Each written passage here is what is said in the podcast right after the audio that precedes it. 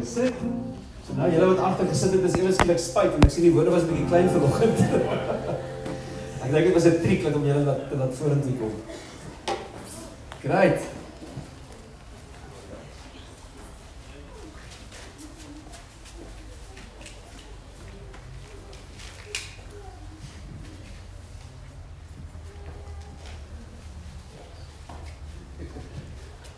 Great. Wel, baie welkom vir die van julle wat my nie ken nie. My naam is Waldo. Ek is getroud met met my vrou.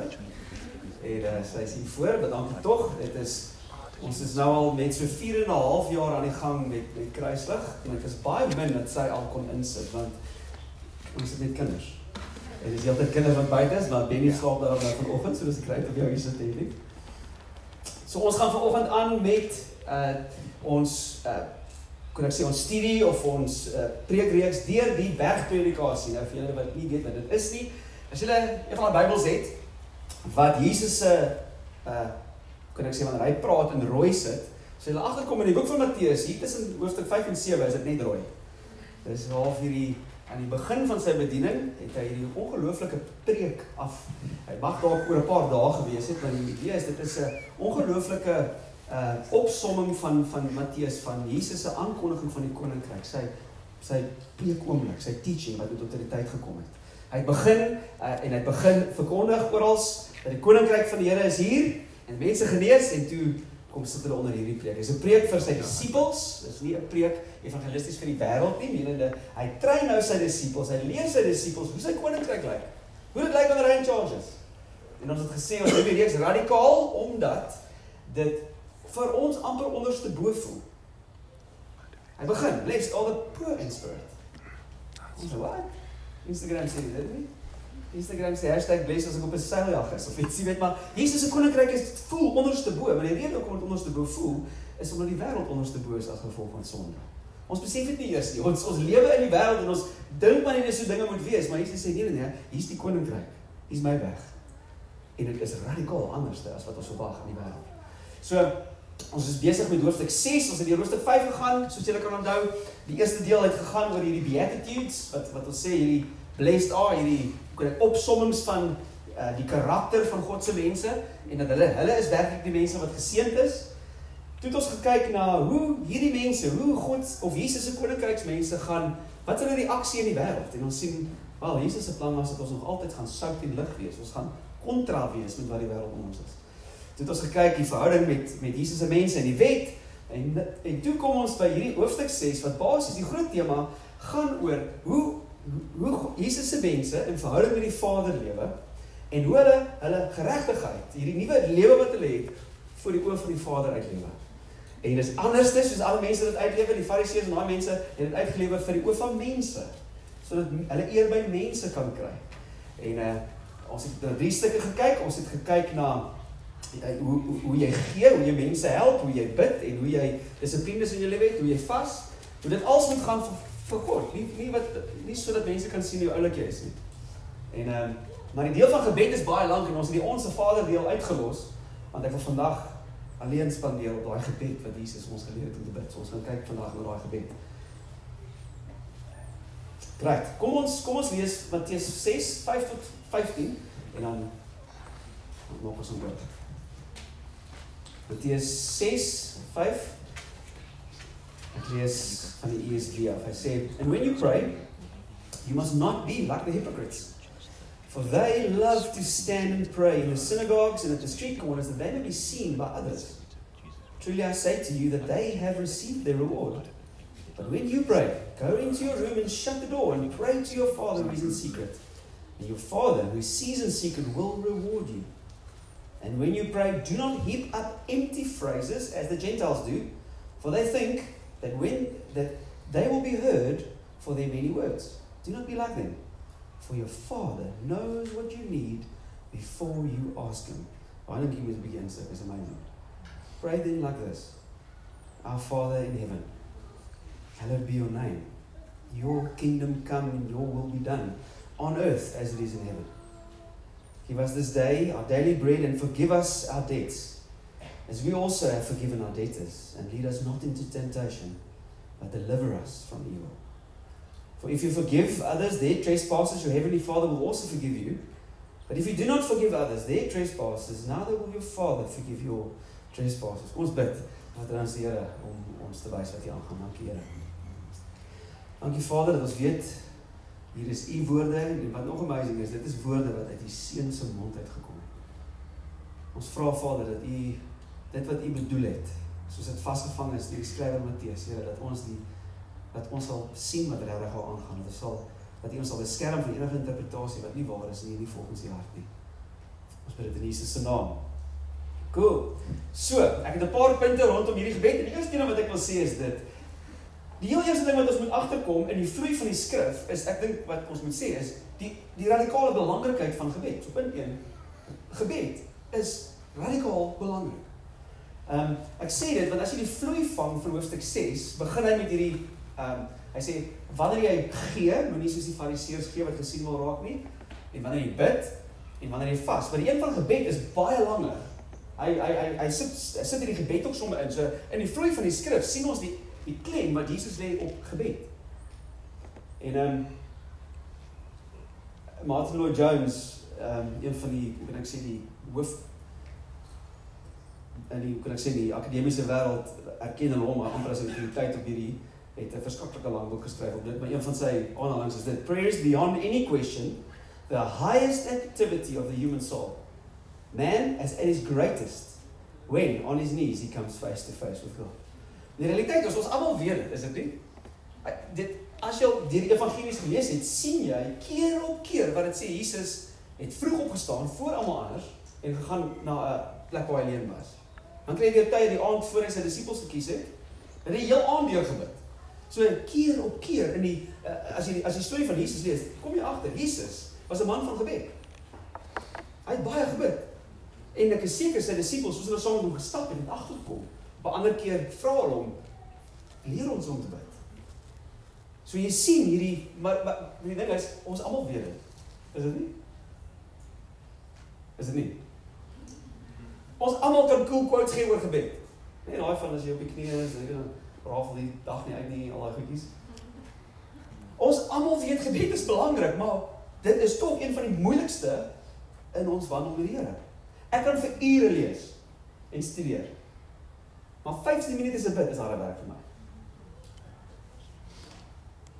O ja, dis net ek sorry, ek is dis 'n confession hour hier. Martin Lloyd Jones sê dit ook. Hy sê there's nothing that tells us the truth about us as Christians so much as our prayer life. Dun, dun, dun. Everything we do in the Christian life is easier than prayer. Is dit nie? Dis reg. Ek wil eendag iemand hoor wat sê as jy wil weet hoe groot jou kerk is, roep 'n prayer meeting. Weet jy hoe groot is ons kerk? Ons het so 15 mense. Kyk hierdie ontsettende klem wat Jesus op het lê. Nou roep ons 'n prayer meeting in ons moderne dag. Ons het 15 mense wat kom bid. Ons kan nou moet doen, ons kan hierdie doen. En wat van son bid? Die boek van Handelinge sê die kerk bid. Ons het niks as ons nie weet hoe om te bid nie. Anyways, baie is verniet.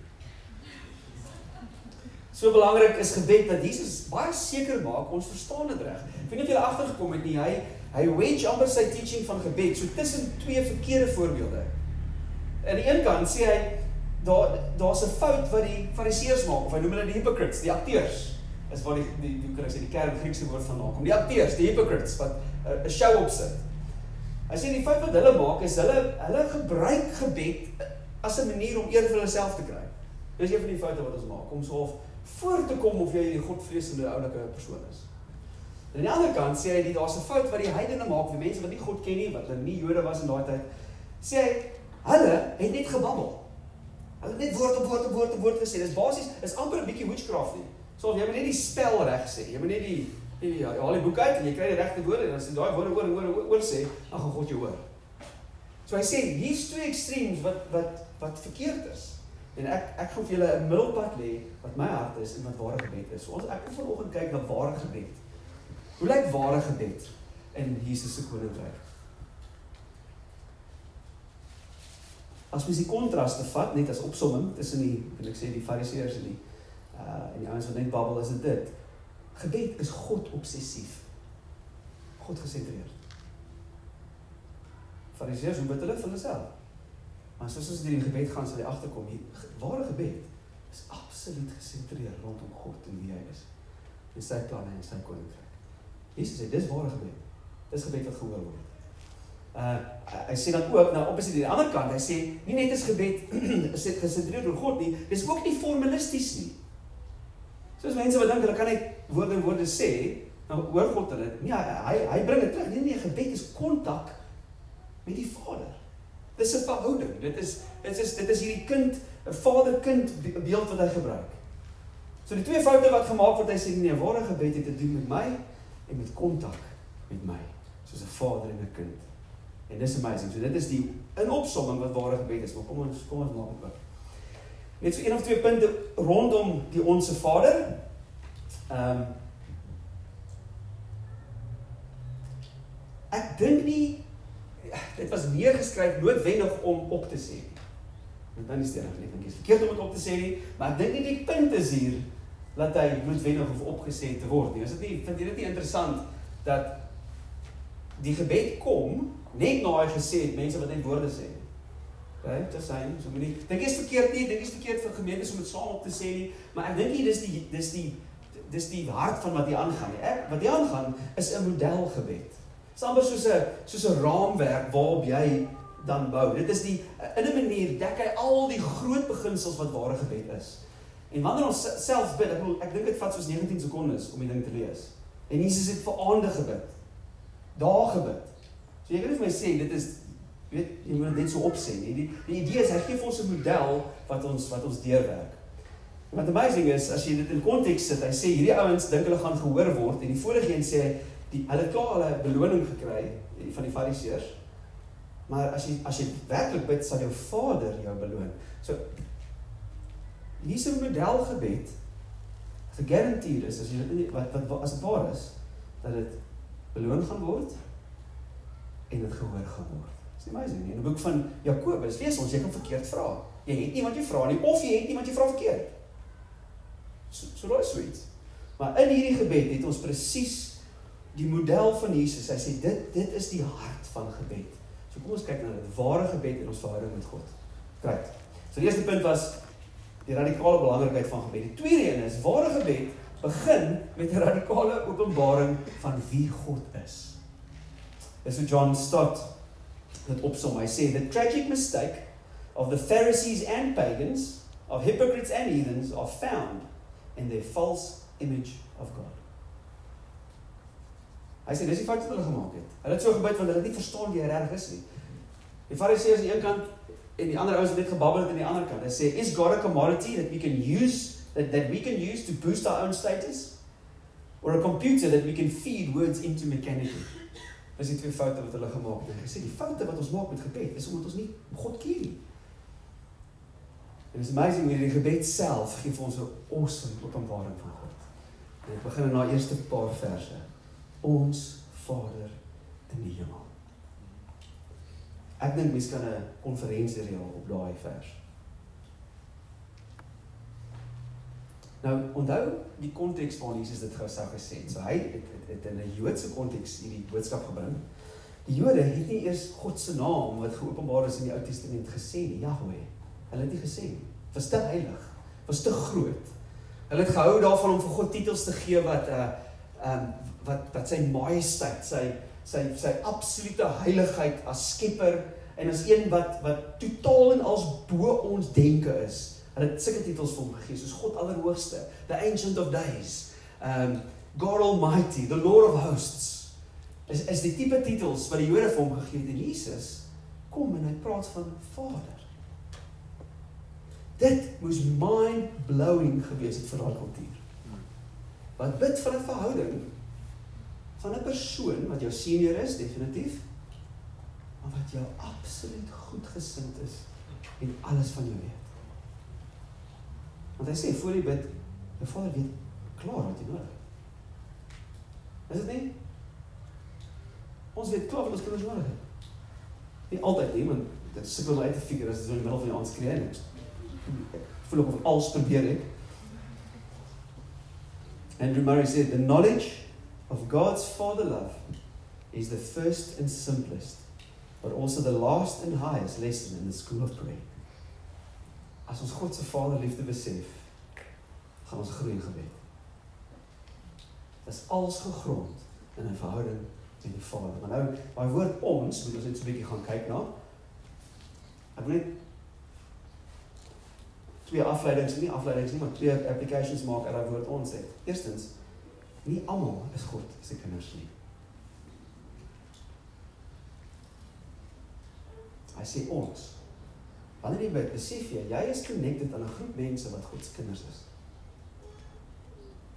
In die Nuwe Testament gebruik nie Vader as 'n idee en ek dink dis nogals populêr in uh in sekere ek dink nie so erg in in ons land nie, maar die idee dat God die Vader is van almal.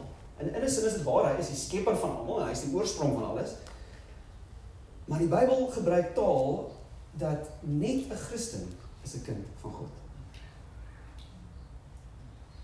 uh een skrywer in Johannes in een van sy briewe sê dit in Johannes 3 vers 1 sê see what kind of love the father has given to us that we should be called children of God and that is and so we are the reason why the world does not know us is that they did not know him hierdie ongelooflike lyn deur die hele bevolking van die wêreld almal is gebore natuurlik nie 'n kind van God nie. Dis die teaching van die Bybel.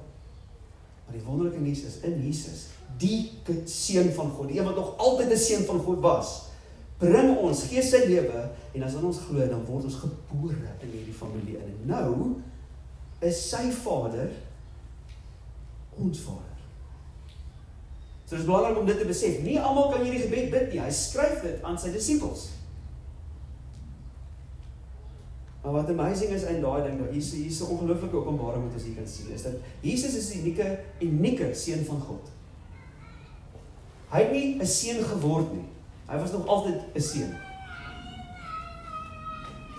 Stadraski, dit is jammer. Hoor gou hoe sê Jesus dit na hy opgestaan het uit die dood en Maria Magdalena is daar by hom en hy stuur haar toe. Is dit Maria Magdalena? Nee. Nee, die een wat op ja, dit is. Jy moet nou maar laat twyfel hier voor. Net met my snaaks gekyk en twyfel ek. Net nou hy opgestaan het uh, en kanter saam in die tuin en Jesus sê for do not cling to me for I've not yet ascended to the Father but go to my brothers and say to them I am ascending to my Father and your Father my God oh, and your God. Ek weet of jy dit raak sien. Jesus se Vader. Ons is ewe skielik in 'n oomblik noem hy ons broers.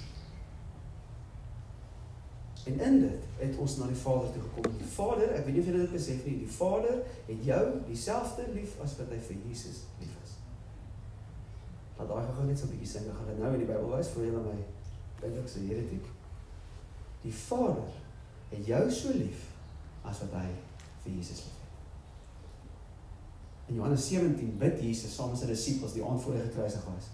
And I say the glory that you've given me I've given to them so disciples that they may be one even as we are one. I in them and you in me that they may become perfectly one so that the world may know that you've sent me. Hierso and loved them even as you loved me. Kan jy sien dit gebed? Jy kom op grond van Jesus se werk ewe skielik het Jesus jou ingebring in hierdie verhouding in wat hy perfek met sy Vader het. En hy noem jou broer. Ewe skielik is God jou Vader. En hier is nog ons iets amazings. Toe ons vir Ben aangeneem het. Ek het nog gister net iemand my weer Weet jy wat's amazing? Ek het vir Ben presies dieselfde lief as Jan. Ek het twee seuns. En 'n dogtertjie. Ons praat net gou-gou oor die seuns. Jan is my eersgebore seun. Sal dit sal nooit verander. Maar dit ben presies dieselfde lief. En ek het eendag toe ek ry en ek voel altyd so awkward as mense sê, "Ag, dis so oulik wat jy gedoen het." En ek ek, ek verstaan daai nie, want dit is dis my seun, dis my kind. Maar toe besef ek ook mens moet ook reël wees dat Benny se toekoms anders sou gewees het as ons hom aangeneem het. Maar hy's nie ons charity case. Jy is nie God se charity case nie. Dis nie 'n ag shame liefde nie, wat moet nou en ek's God en jy's 'n arme sondaar. Dis nie 'n ag shame liefde nie, jy is ingebring in die familie, nie die enige en jy is nou 'n kind van God. Ek hoop julle sien dit. Ek hoop julle sien die gewig van die evangelie wat gebeur. Dis nie 'n ag shame liefde nie, dis my kind liefde. So ons begin gebed met ons Vader. Maar dan sê hy in die hemel. Artie Kendall eh, in sy boek oor die Sermon on the Mount noem hierdie eh, sy hoofstuk om in die hemel noem hy being put in your place. Ek weet nie of julle al Charlie and the Chocolate Factory gekyk het nie. Ons het so 'n joke. Daar's so 'n uh, een girltjie in die Charlie and the Chocolate so 'n ryk girltjie met met met haar pa en sy se brat. En dan verstaan sy, "Daddy, I want a pony." En dit is al 'n joke in ons huis. As een van ons kinders al vir Bratty request maak, dan sê ons vir mekaar, "Daddy, I want a pony." En ek dink ons moet besef, hy is ons Vader, maar hy's in die hemel. Hy's nie ons butler nie. Hy's die heilige, allerhoogste God. Wat wat amazingly Vader het. Jy kan begryp dat die ewige Skepper, die allerhoogste, almagtige God van glorie, alles van ons ken. En sê dit is 'n hart goed vir ons en het ons lief soos 'n Vader, sal dit alles verander. Dis die hoogste openbaring. So ware gebed begin in 'n openbaring van God. A.W. Tozer sê dit, hy sê what comes to mind when you think about God is the most important thing about you. Derde punt. Eerstens het ons gesê gebed is baie belangrik. Tweedens het ons gesê ware gebed begin by openbaring van God. Derde, ware gebed nooi ons in die Vader se glorie en belange in. Word gesê, "Our Father in heaven, hallowed be your name. Your kingdom come, your will be done on earth as it is in heaven." Die rede hoekom hierdie radikaal is is om dit vir ons voel of die orde verkeerd om is. Sekerlik moet dit begin met Here, ek so dit, ek so dit, ek so dit, ek het dit nodig, ek het dit nodig, ek het dit nodig. Maar hy dra die orde heeltemal om. Hy sê nee nee nee nee. Ware gebed wanneer jy die Vader sien, wanneer jy agterkom jy's in in in, in verhouding met hom gebring, gaan dit alles oor hom en dit is baie goeie nuus by the way. Ons dink dit nie dis goeie nuus nie. Ons dink ek dink ons dink van die begin af die eerste leen wat ooit vertel is dat dit wat God bedoel het, ek dink Adam en Eva ehm um, en die duiwel gesê maar nee man God het dit gesê sodat jy nie goed kan weet nie. Die dilemma wat ons glo is dat, dat die Vader nie goed is nie. En dat sy sy wee ons van by ons wil steel of lewe by ons wil vat om God eerste te stel is die beste vir jou. En die regte manier om God te nader is om te nader vir sy glorie. Maar sien ons bid gewoonlik my naam, my koninkrykie, my besigheid, my invloed, my wil. Martin Lloyd Jones sê dit weer en hier het my bietjie gevloer. The measure of spirituality is the amount of praise and thanksgiving in our prayers.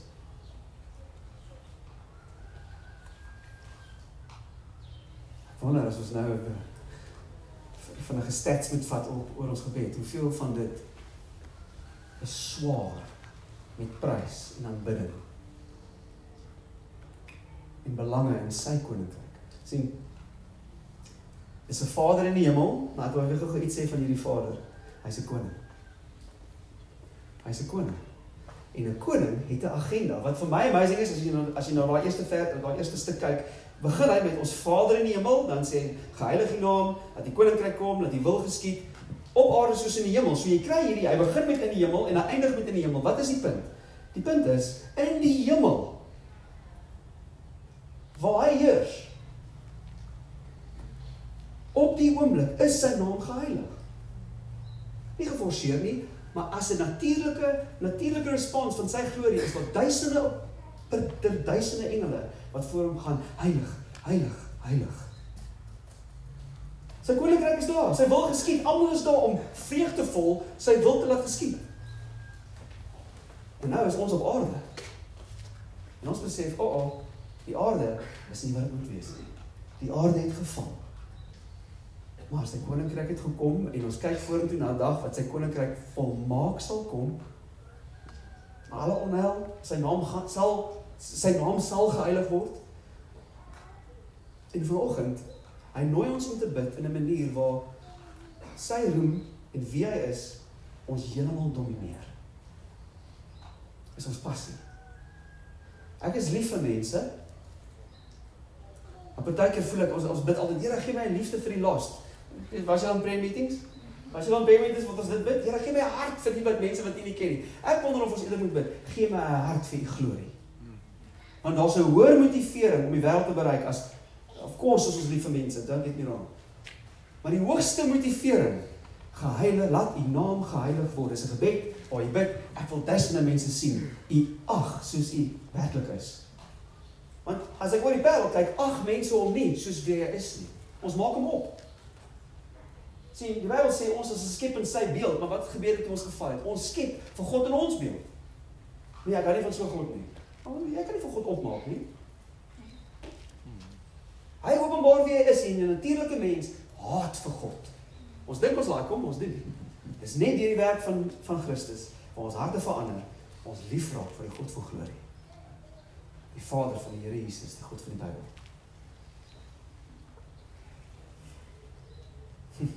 Dis 'n dit wys jy ook as dit as dit waar ons lewe jy besef jy's opgevang in die uh, uh, in die in hierdie verhouding met die Vader wat 'n koning is dan neem gebed 'n anderste dinamika aan.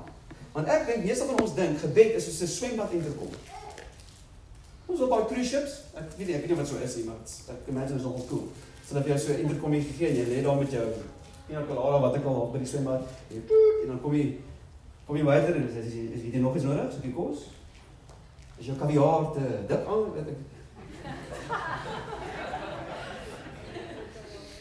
Ek dink regtig ons ons benader gebed so, maar eintlik as ons agterkom hy sê dat die koninkryk kom, wat beteken daar's 'n ander koninkryk in oppositie. Dan is gebed nie 'n swembad in dit kom nie, dit is 'n wartime walkie-talkie. Lag my vrou vir my Engels hierso. Is dit nie? Want dis waar dit gaan. Ek is nie op 'n cruise ship nie. Hierdie is ek is op in God se wêreld wat hom nie ag nie, maar hy het 'n plan, hy het sy seun gestuur. En wat is my gebed nou? Nou bid ek. Nou is dit gebed. U koninkryk, u wil op aarde. Michael Eaton said it. This prayer is a commitment to a lifestyle. It is not that God needs this prayer, we need it. When we pray, we, at this, we are at the same time adjusting ourselves to be and to prepare for what we are praying. This prayer is a commitment to a life of involvement in the worldwide church of the Lord Jesus Christ.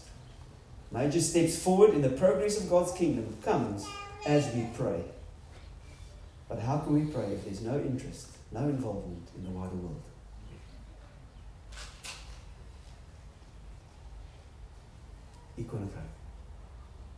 Nie myne nie.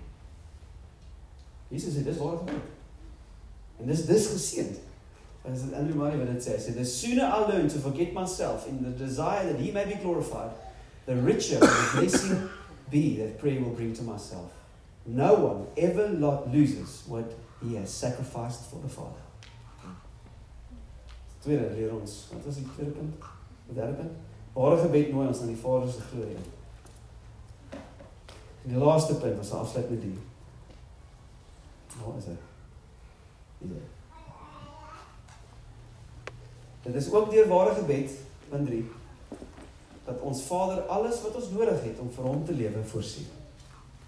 Alles wat ons nodig het om vir hom te lewe word voorsien. Die orde hier is baie belangrik. It's amazing. Hy sê God weet klaar wat jy nodig het. Maar tog het hy dit so opgestel dat ons hom vra. Ek verstaan dit nie, maar dit is wat die Bybel vir my leer. Jy ook, Ben.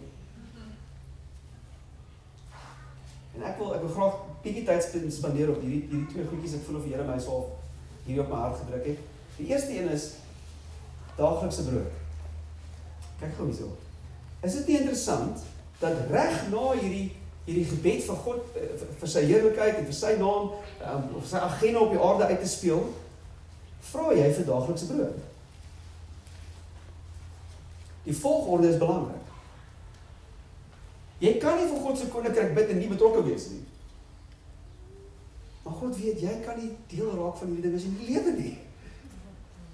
As jy nie het wat dit wat nodig het in hierdie fisiese natuurlike wêreld van ons nie. Daaglikse brood. It's amazing en al alles wat jy nodig het sê daar jy brood nodig om die lewe te bly, jy vergifnis nodig om om heeltyd 'n skoon gewete voor wete voor God te hê en jy krag nodig om toekomstige moontlikheid om in sonde te val. Dit vir my. So die hele punt van jou selfbid is selfs wanneer ons vir onsself bid, is dit basies om ons verhouding met Hom en die diensbaarheid aan Hom tot die maksimum uit te leef.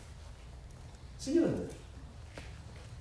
Selfs hierdie deeltjie wat jy vir jouself bid, ultimately gaan dit sodat jy diensbaar kan wees vir Hom en niks tussen jou en jou verhouding met God kom nie. Dis gebed. Dit gaan alles oor God.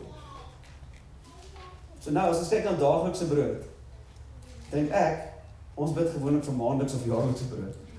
Is dit nie?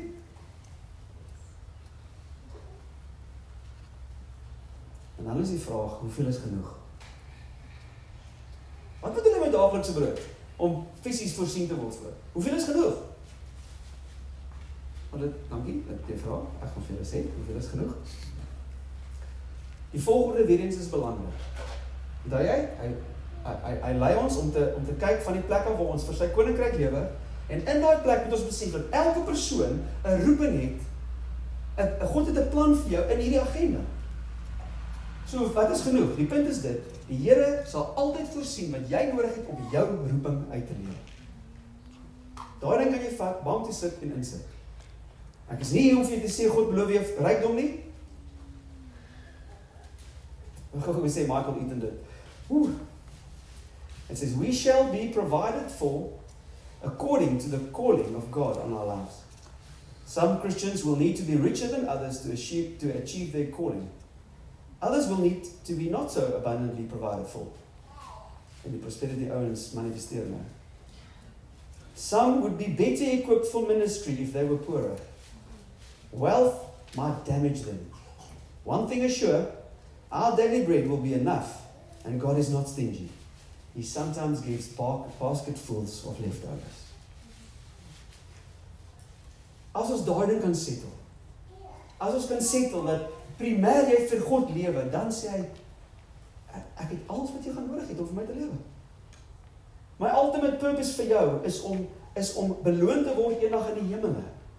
Want net na hierdie stuk om die ding wat hy sê, do not lay up treasures on earth, but lay up treasures in heaven. Ons sê don't be anxious, but seek first the kingdom. Nou leer ons om so te bid. Ek het ook iemand hoor sê dat ware heiligheid is is wanneer jy jou vlakke van inkomste of, of wealth totaal en al oorlaat aan God. Hoe is dit as dit staan? Is dit wonderlik nie? Jou vreugde is in verhouding met die Vader en jou diensbaarheid in sy koninkryk, die voorreg, die voorreg om te kan deel hê in wat God doen. Maar sien ons word in pieces geruk Die Bybel sê keep uh, in in ek dink is in Hebreërs 13 keep your lives free from the love of money and be content with what you have. Dis onmoontlik om kontent te wees as jy nie vir hom lewe nie. Hoe gaan jy kontent wees?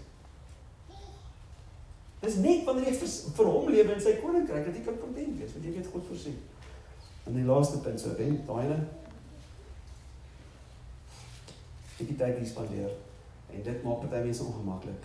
Net soos jy daaglikse brood nodig het, sê die Bybel, jy het daagliks vergifnis nodig. Die rede hoekom ek graag 'n bietjie tyd hier wil spandeer is omdat ek voel daar's 'n bietjie van 'n dwaal idee kerk. Hier in ons kerk is baie nie baie kerke daar.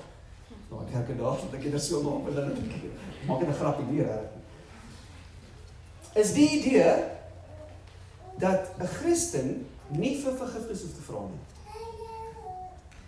Want hulle want in die kruis is die argument is jy klaar vir alles vergewe en daar is waarheid in dit. Maar kom ons kyk net na hierdie teks. Dis mense wat klaar kinders is van God. Daaglikse brood. Nou wat is die punt om dit daar te sit as jy as jy dit nie vra daarvoor nie?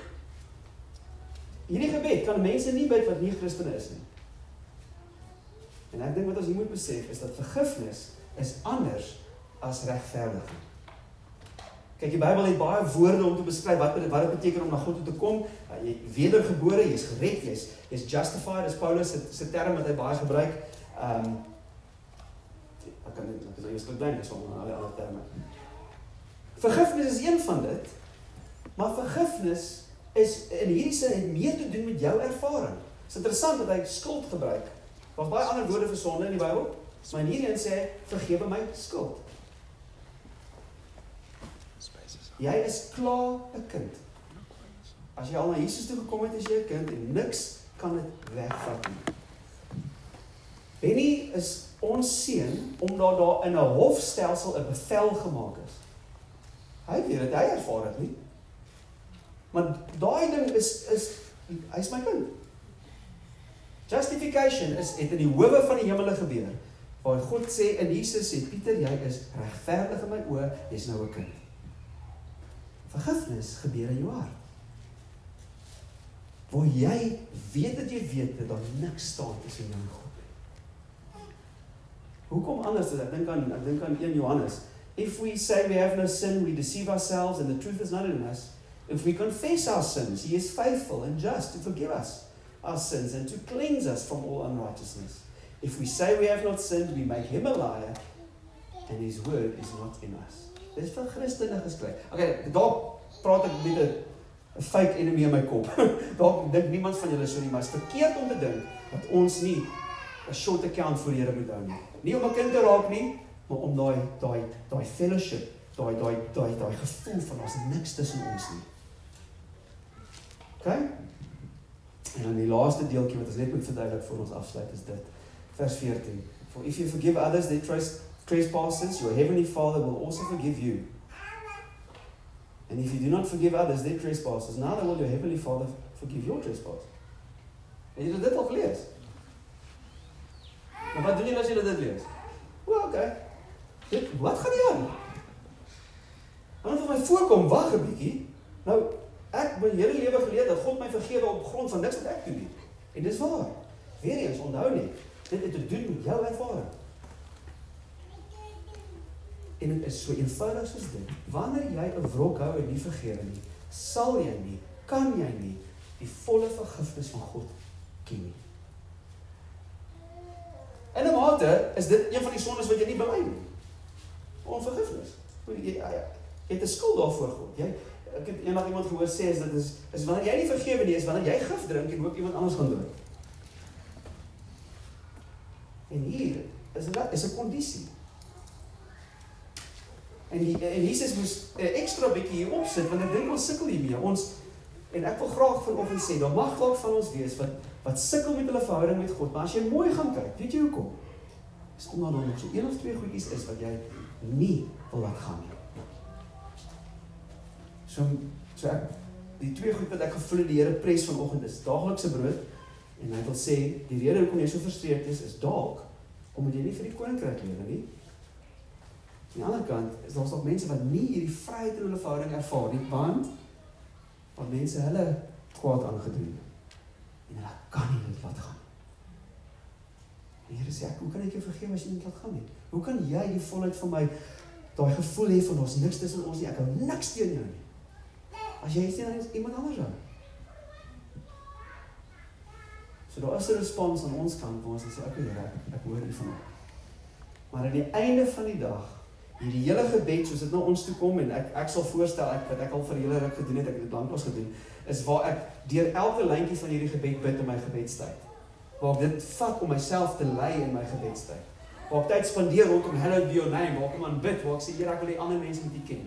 Dat ek sê Here, ek wil ek wil sien hoe U koningskap inbreek in die aarde. Ek wil sien hoe mense gered word. Ek wil sien hierdie situasies wat definitief nie volgens U wil is nie. Ek wil sien hoe U wil hier inkom. En dankie Here dat ek 'n deel het en dankie dat U vir my sorg. Dankie dat ek genoeg gaan hê om vir U te lewe. Dankie dat ek hoef nie te worry oor môre nie, want ek ek weet U sorg vir my. Dankie Here. So kan ek vra dat ons staan en bid ons. As jy vanoggend iemand moet vergewe, doen dit. Dis nie uitdagende ding jy sê, "Hoe kan jy die volheid hê wat ek vir jou het, my kind?" As jy iets teen iemand anders hou wat 'n 2 sent skuld is waar jy 'n 100 biljoen skuld teen my glorie het, wat ek afskryf as jy na my toe kom.